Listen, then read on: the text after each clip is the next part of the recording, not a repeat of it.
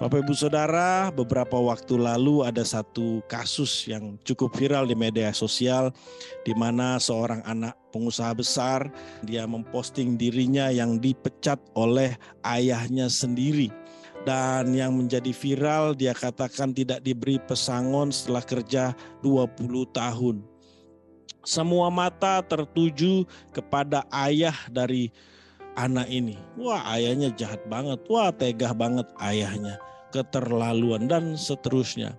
Sampai beberapa hari lalu Bapak Ibu Saudara, setelah beberapa minggu mungkin, bapaknya mengklarifikasi semuanya.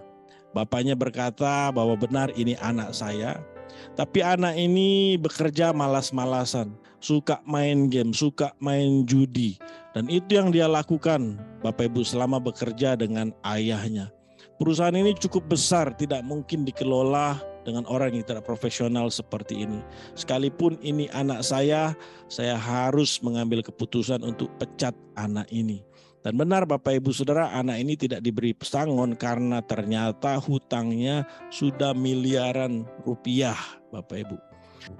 Nah dari kisah ini saya belajar, ini sih bukan kisah anak yang hilang.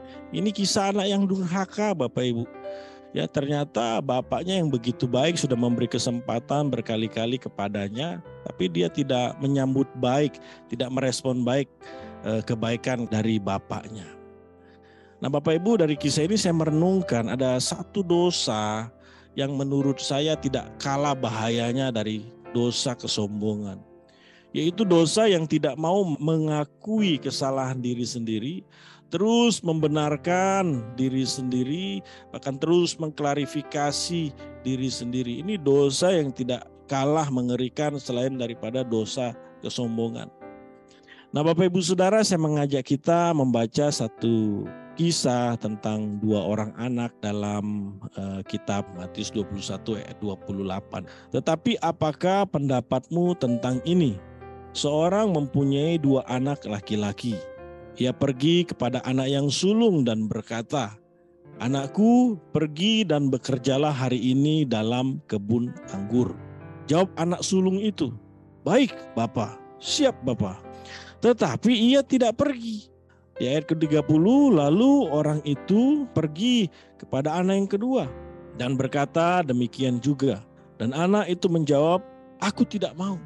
Tetapi kemudian ia menyesal lalu pergi juga.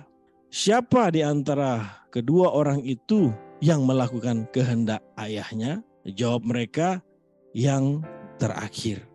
Bapak Ibu kalau kita baca keseluruhan Injil atau kisah-kisah di kitab perjanjian baru, Tuhan Yesus itu sudah memberikan peringatan Bapak Ibu. Sudah memberikan gambaran. Seringkali justru orang Samaria yang dipulihkan orang Samaria yang dipakai Tuhan.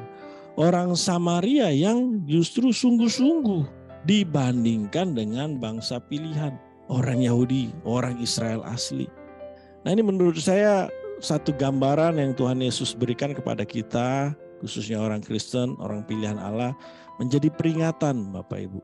Israel itu sudah memperlihatkan bahwa mereka dipilih Tuhan, mereka disayang Tuhan, dikasihi Tuhan. Tapi mereka tidak menyambut baik, tidak merespon baik kasih karunia anugerah dan berkat Tuhan. Sama seperti anak yang tadi Bapak Ibu, yang di awal saya cerita. Nah ini menurut saya mumpung masih di awal-awal tahun Bapak Ibu, masih di bulan Januari, banyak-banyaklah kita merendahkan hati di hadapan Tuhan. Kalau ada kesalahan, kalau ada dosa, kalau ada pelanggaran yang Tuhan sudah ingatkan, Tuhan sudah tegur kita. Baiklah kita bertobat, dipulihkan, mau berubah sebelum ada peristiwa-peristiwa buruk yang terjadi. Seharusnya kita orang Kristen itu tidak mengalami hal-hal yang buruk, bakal yang sangat buruk terjadi dalam kehidupan kita. Kalau kita terlebih dahulu mau merendahkan hati di hadapan Tuhan seberusaha mungkin Bapak Ibu. Pastikan sepanjang tahun ini hati kita didapati bersih di hadapan Tuhan, hidup kita didapati berkenan di hadapan Tuhan. Kita terus mengevaluasi diri, mengintrospeksi diri kita, dan terus mau dibentuk oleh Tuhan menjadi semakin serupa seperti Kristus.